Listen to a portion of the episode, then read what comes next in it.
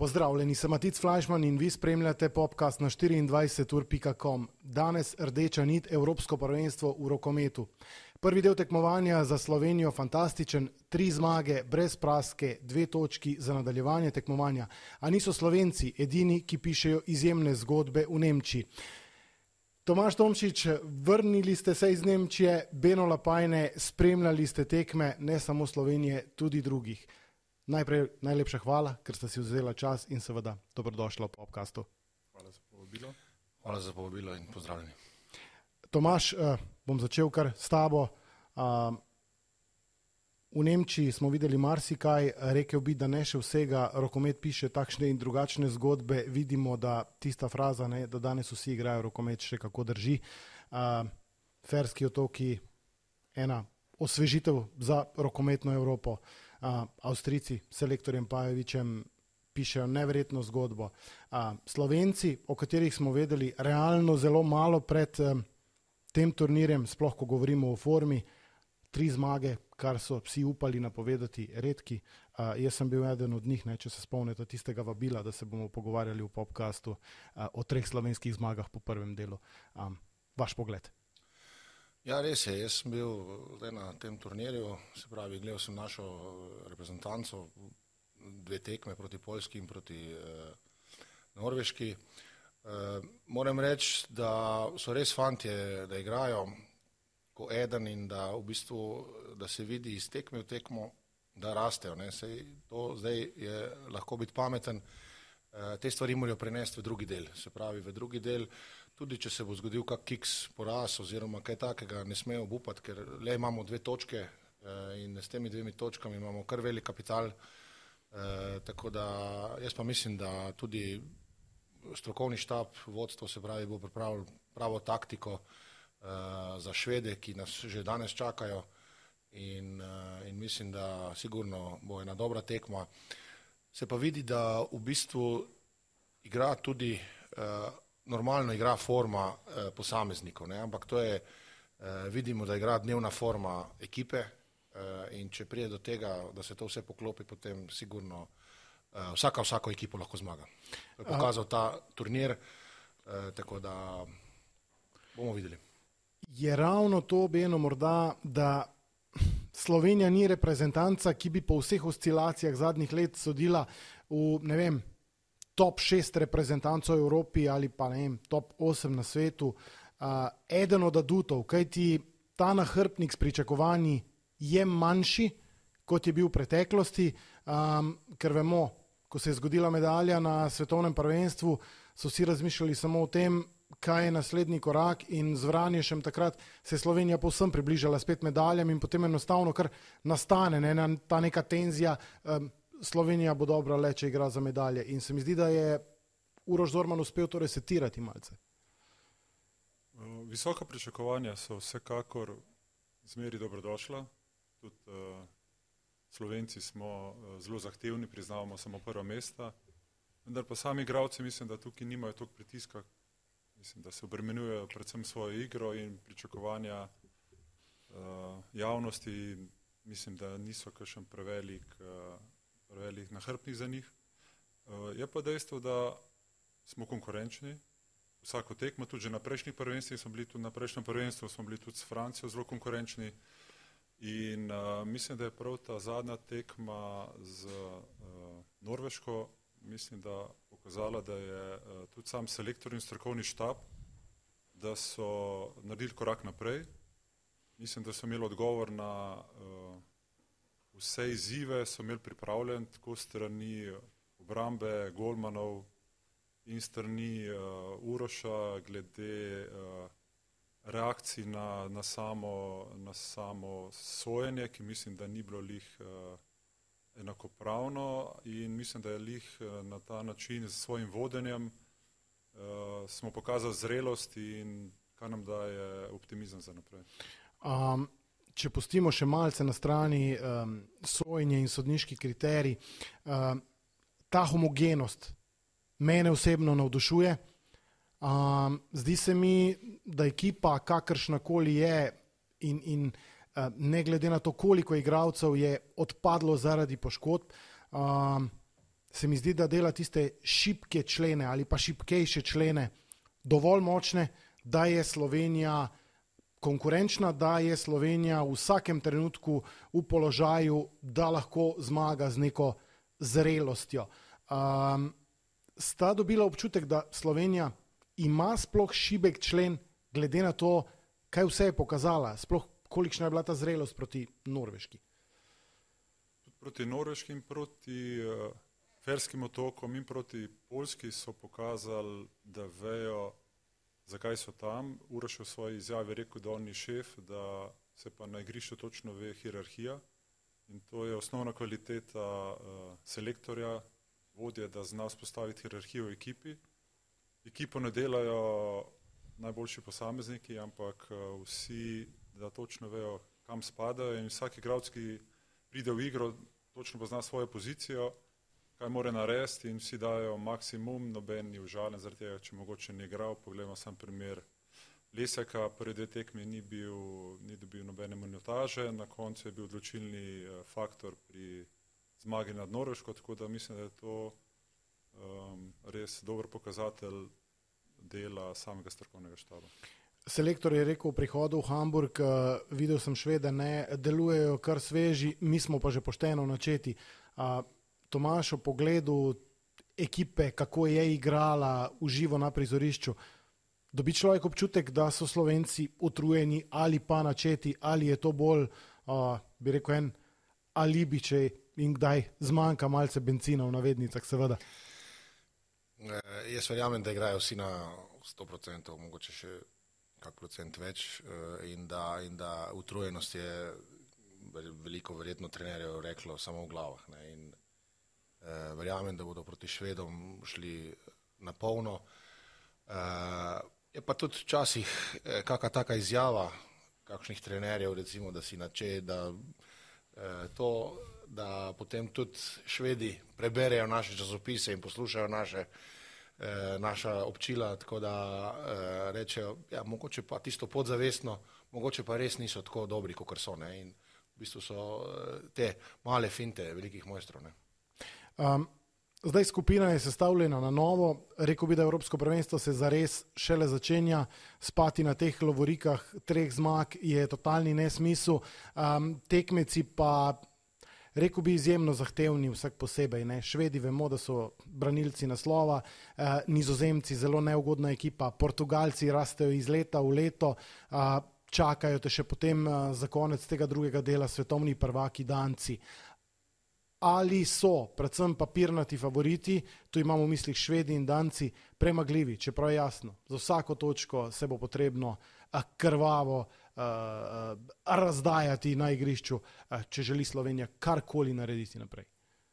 Jaz bi tukaj rekel, da ni papirnatih favoritov. Če pogledamo po sami igri, bi lahko rekel, da je Slovenija papirnat favorit, ampak tekma se začne z nič proti nič in uh, igrajo se od prve do zadnje minute, Veliko večina tekem se je odločila v zadnjih 40 sekundah. Poglejmo primer Srbije z napadom in vodstvom dve golo razlike je bilo na koncu neodločeno in na podlagi tega so izpadali. Tako da um, jaz vem, da bojo igravci razmišljali, vsaki naslednji tekmi ne bojo razmišljali o nizozemski, portugalski, danski. Uh, ko se prej omenili utrujenost, utrujenost mislim, da je tukaj mogoče bolj psihične narave utrujena glava, tukaj je pač delo samih, eh, samih trenerjev, da igravce pripravijo maksimalno in zmotivirajo. Eh, pogoji so enaki za vse. Mislim, da je to Evropsko prvenstvo in nasplošno so tekmovanja zdaj ta velika, zelo veliko bolj prijazna, kot so bila včasih. Včasih so bila Evropska prvenstva, uh, kjer so se igrale tri tekme zapore, dan pauze, dve tekmi, tako da je bila obremenitev veliko večja.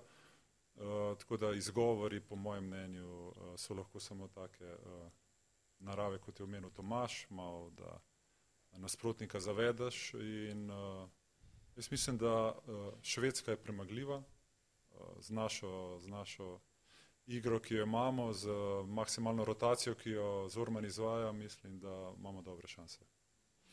Um, glede na to, koliko časa Žviže in Zorman posvetita analizam tekmeca, verjamem, da imata zdaj po treh tekmah tudi v pogled v dejanske zmogljivosti te ekipe. Um, imata občutek, da je Slovenija uspela kaj skriti pred drugim delom? Zelo težko povedati, ker jaz mislim, da uh, pozna, mislim, Slovenci imajo zmeri v zadju kakšno, kakšno zadevo, ki jo še niso pokazali. Uh, kot recimo ta napad, ki proti uh, Norveški z igralcem več, da igraš 5 na 5. Videlo se je, da tudi drugi se pripravljajo na, na, te, uh, na te vrste napada in mislim, da obstajajo, sigurno imajo v rokavu še kakšno drugo rešitev. Uh, tako da Ferci mi je Tomaž omenil, da so igrali na ta način 7 na 5. Ne? Tako da um, tukaj jaz mislim, da še nismo se pokazali. No. Tomaž? No, moramo vedeti tudi, da se prej navežem na prejšnje vprašanje, ne, da v bistvu vsi ti naši igravci, ki, ki so, ne, igrajo z vsemi najboljšimi na svetu. Ne. Se pravi, so v klubih, eh, kjer igrajo tudi švedi, norvežani, ne, ne vem, danci, eh, da so soigravci in da vsakega posameznika tudi poznajo. Ne. Poznajo njihove eh, dobre in slabe strani, stvari in strani.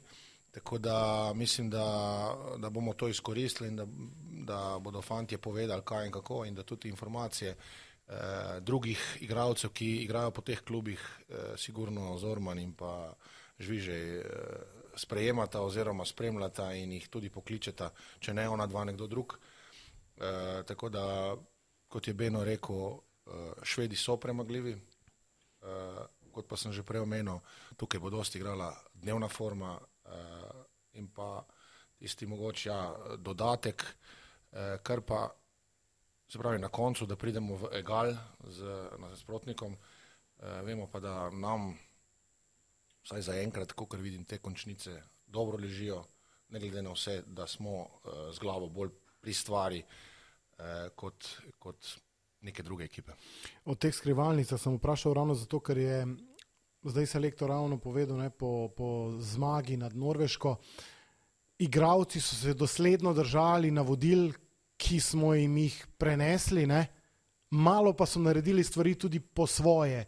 Um, in morda ravno nekaj, kar je izven tega, ne, se pravi, out of the box, uh, je lahko v tesnih tekmah odločilno. Lahko je odločilo, ampak uh, če se držiš načrta in ne igraš stihijsko, mislim, da imaš večje možnosti, da prideš sploh do take končnice.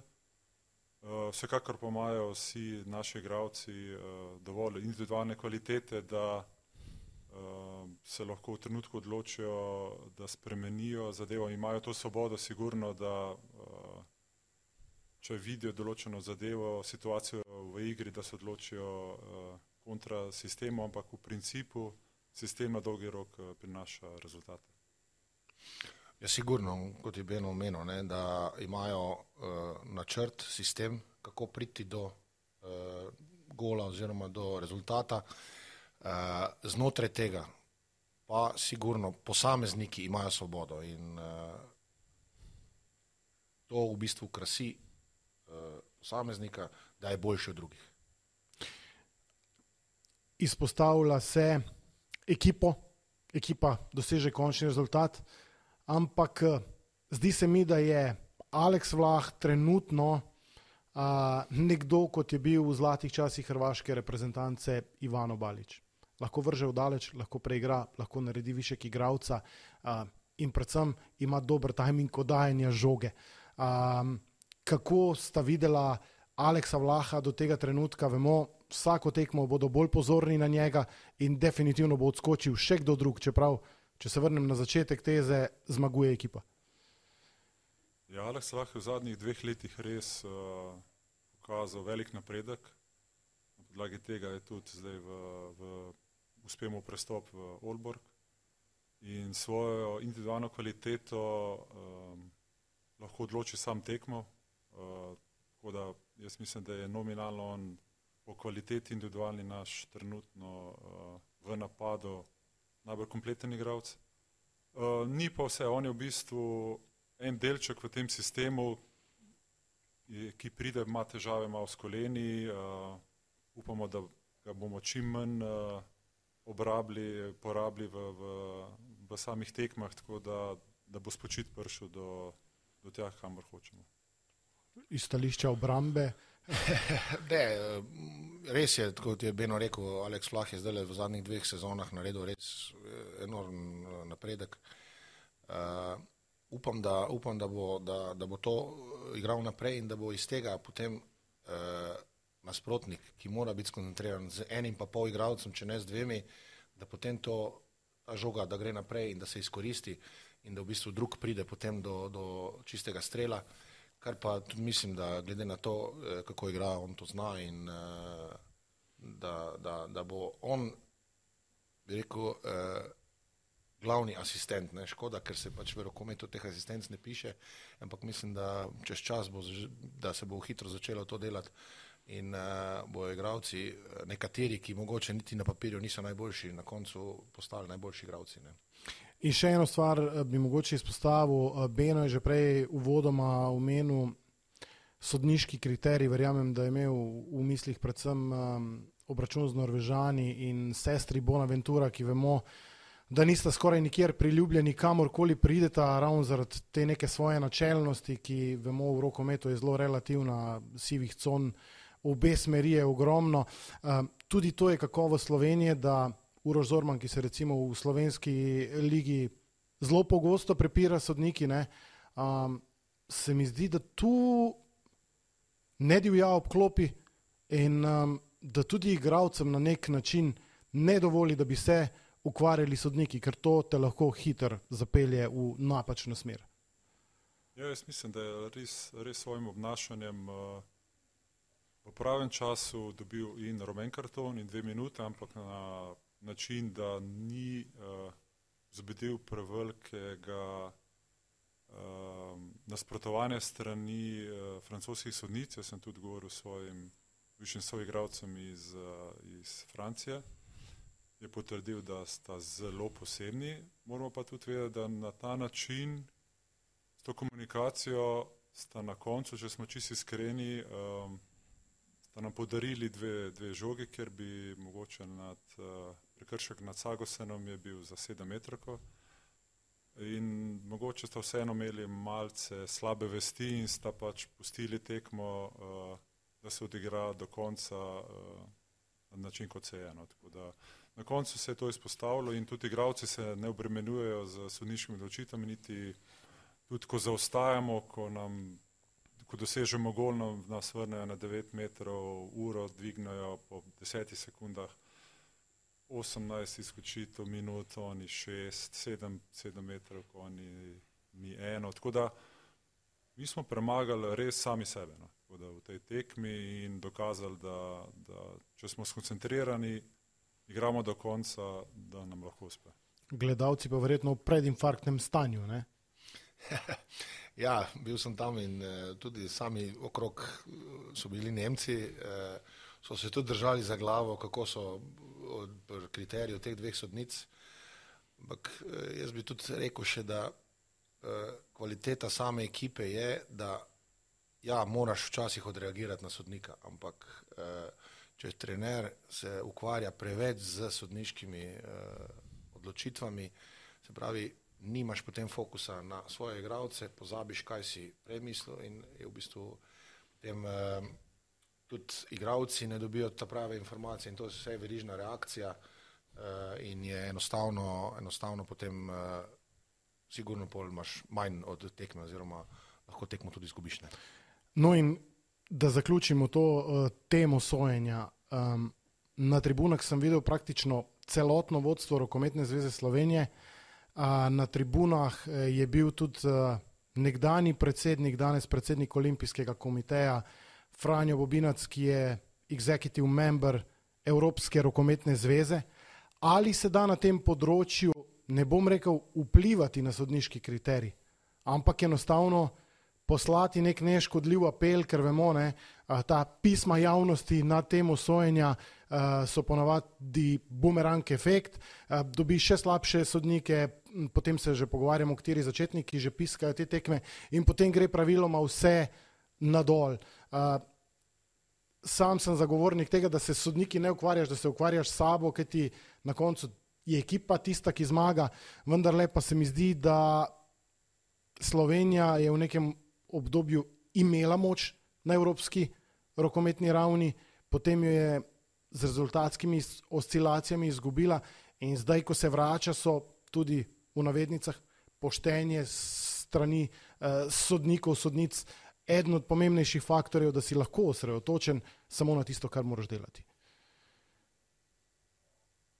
Mislim, da si se lahko samo z igrami svojimi dobimo spoštovanje vseh uh, akterjev in to je edin pravilen način in uh, na dolgi rok jaz mislim, da um, kakšnokoli drugo delovanje ni, ni niti etično, niti prav in uh, na igrišču si mora vse zboriti, moraš biti boljši deset golo, da zmaga za dva in to je edina pot. Tomaš, kaj dodati?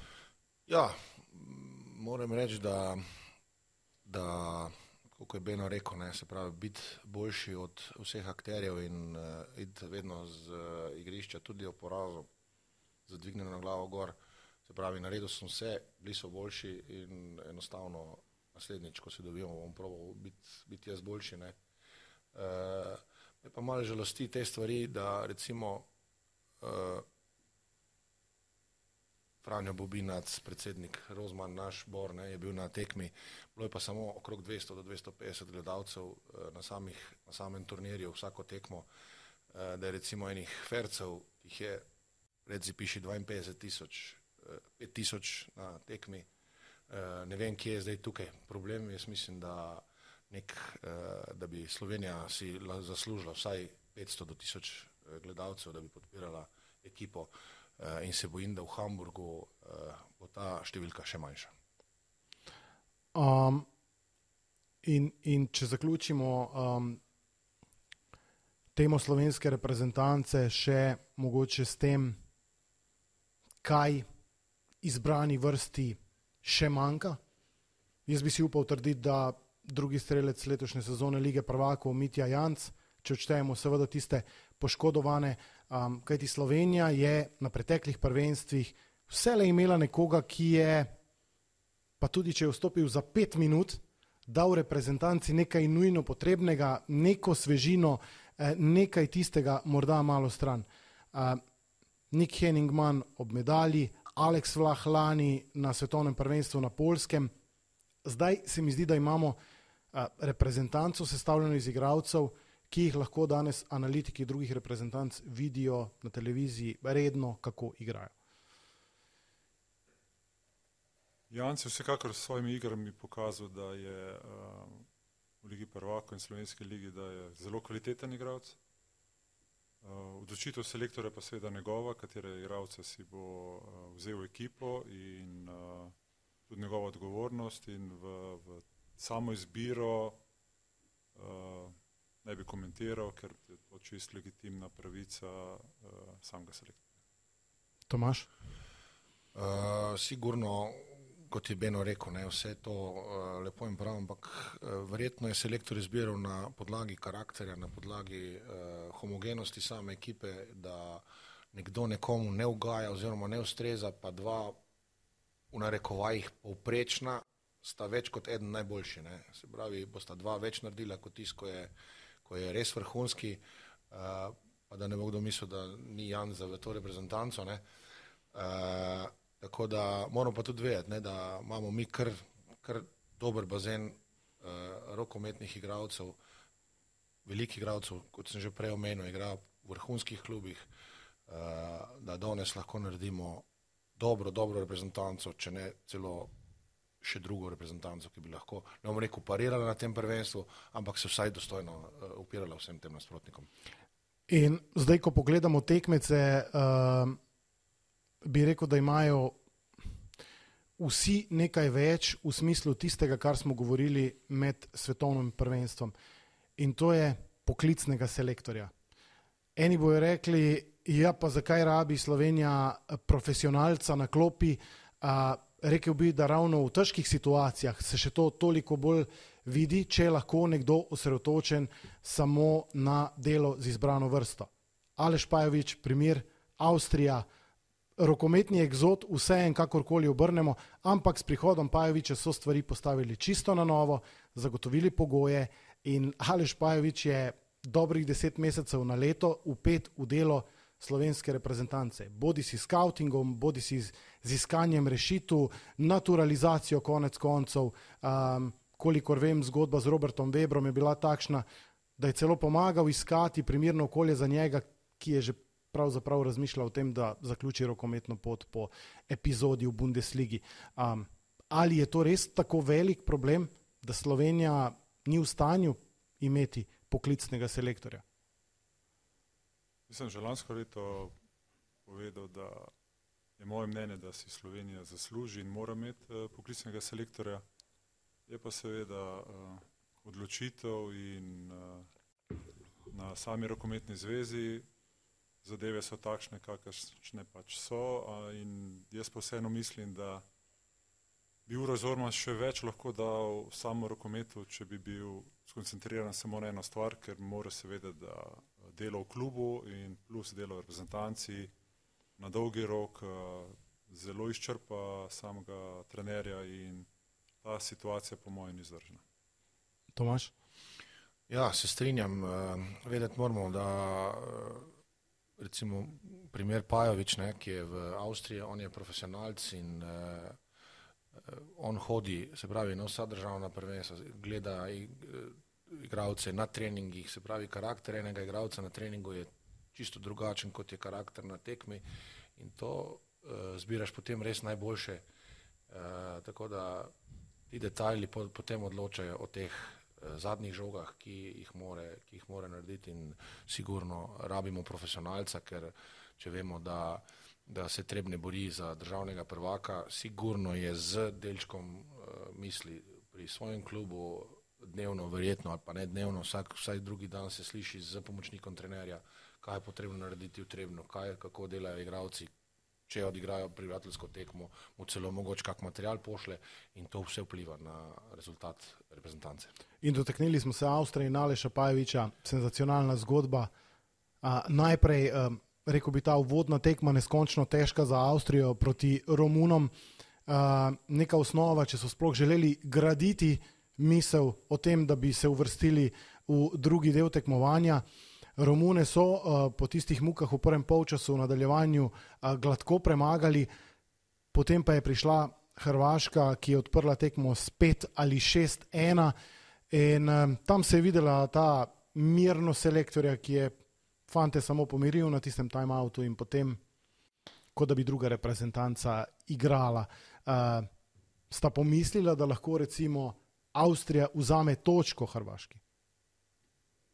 Če sem iskren, ne, ampak na podlagi same igre in uh, dogajanja na tekmi so si vsekakor zaslužili uh, to točko, tudi proti Španiji so si zaslužili dve točki in uh, Pajo je dal svojem, svoji igralski karieri uh, veliko trenerjev, od balkanskega stila do, do španskega, malo ruskega z Dušebajevim in uh, jaz mislim, da potem v Nemčiji na koncu tudi znoko in jaz mislim, da je iz vsega potegnil uh, najboljše, je pa njegov karakter tak, da je ekstremno uh, miren, navzven, jaz ga poznam, on je zelo uh, čusten, uh, čusten človek in uh, mislim, da je njegov način primeren za njega in za uh, reprezentanco, ki jo vodi, ker mislim, da na kakšen drugačen način niti ne bi mogel voditi zahodnjaške reprezentance. Uh, tako da jaz sem res vesel, sem tudi poslal SMS, uh, da jaz uh, verjamem, da bojo v drugem delu še dobili kakšno točko. Uh, bum bum pa je v obrambi, pa v napadu. Um, spomnim se enega intervjuja z njim, takrat, ko je podpisal za Avstrijo to prvo pogodbo. Uh, je rekel, nikoli si nisem mislil, da se bom preselil od igralca med trenerje, ker je to tako stresna situacija, čeprav se na začetku ne vidi. Ampak tudi ta njegova pot je bila zelo, zelo dobra. Ne? Korak nazaj z Gracem v drugi ligi, potem ta priložnost, trener, igralec. Očitno je začutil, očitno se je zgodil klik, ki ga je Patrik Felser videl kot ne vem, morda nekoga, ki predstavlja rešitev za avstrijski rokomet. Um, si Tomaš pričakoval, da se lahko, ne vem, pajo iz tistega stebra obrambe razvije v tako uspešnega trenerja pri kaj, 45 letih? Ja, ne, roko na srce, res ne. Sem igral kar nekaj sezon z njim. Tako miren fant, eh, moram reči, naj igra na terenu, vedno pusto srce. Tako da tudi bil je frik, ne? kar se tiče teh zadev. Eh, lahko tudi povem eno anegdoto, ko je bil trening, eh, smo na koncu streljali sedem metrov in je bil legendarni Perič na golo. In mu je malo, da ne njegovo bum bum pajo vrgu, res močen strelj mimo glave. In mu je Perič zabrusil v sočnih besedah, ne, kaj se greš ti mali, je rekel, vse si golman. Enostavno, takrat ga je prizemljil in mu dal vedeti, da ne bo enostavno. No. Uh, In kar se pa tiče samega trenerstva, ga malce opazujem, res super. Uh, sem, bom rekel, uh, pristaš takega vodenja, se mi dopade in uh, ker mislim, da uh, ni tist pregovor za ston, da lepa beseda, lepo mesto najde in je pa sigurno, kako je Beno rekel, da te zahodnjaške reprezentance imajo nekako bolj mirne trenerje kot te balkanske oziroma španske, južni del. Tako da nikoli pa ne veš, mogoče pa bo enkrat na, na čelu Slovenije in uh, z nekim znanjem, ki, ga, ki mu ga ne manjka, da bo tudi za Slovenijo naredil nek viden rezultat. Zdušali bom rekel, ne škoda, da še Renato Vogrinec eh, ni šel med trenerje, ker to je bil ta nek ubijalski trio na zunanji liniji. Um, pa če se počasi eh, preselimo proti koncu. Zdaj, nehvaležno je napovedovati, kaj vse se bo zgodilo, kaj prinaša drugi del. Eh, ni še natančne slike, kdo vse je zdrav v posameznih reprezentancah, eh, koliko menjav bo kdo izkoristil. Me pa ena stvar zanima. V primeru vrhunskega rezultata slovenske izbrane vrste, ali bo to končno nek moment za unovično ustajenje slovenskega moškega rokometa, lahko ima to končno tudi nek pozitiven finančni učinek, kajti vemo, rokometna zveza Slovenije je v rdečih številkah, borijo se z vsem drugim um, kot s tistim, kar bi moral biti primarni cilj, ampak ta zadeva je razumljiva če nimaš, moraš poiskati in zdaj je pomembno, da ima reprezentanca tisti higijenski minimum, da lahko ustvarja. Ampak vendarle, treba je gledati malce v prihodnost. Ženska reprezentanca je že uvrščena v kvalifikacije za olimpijske igre. Eh, moška je korak do tega in eh, jaz sem prepričan, da boste obe reprezentanci igrali na olimpijskih igrah, tako kot uh, z veliko verjetnostjo lahko rečemo za odbojkarsko reprezentanco in iskreno si želim, da bi košarkarska reprezentanca igrala na olimpijskih igrah. In s tem bi mi res poslali en močen signal uh, sami družbi, da je šport res uh, tista zadeva, ki nas združuje, ki nam daje pozitivno energijo. In uh, prvi korak je pa seveda rezultat, ki se ga vsi želimo na tem Evropskem prvenstvu in jaz sem prepričan, da ga lahko dosežemo. Tomaš. Ja, uh, dobro. Kako je Beno rekel, ne, imamo res, uh, vsi smo na, tukaj skoraj na olimpijadi, ne, ampak moramo še do tja prijeti, ne, tako da težko.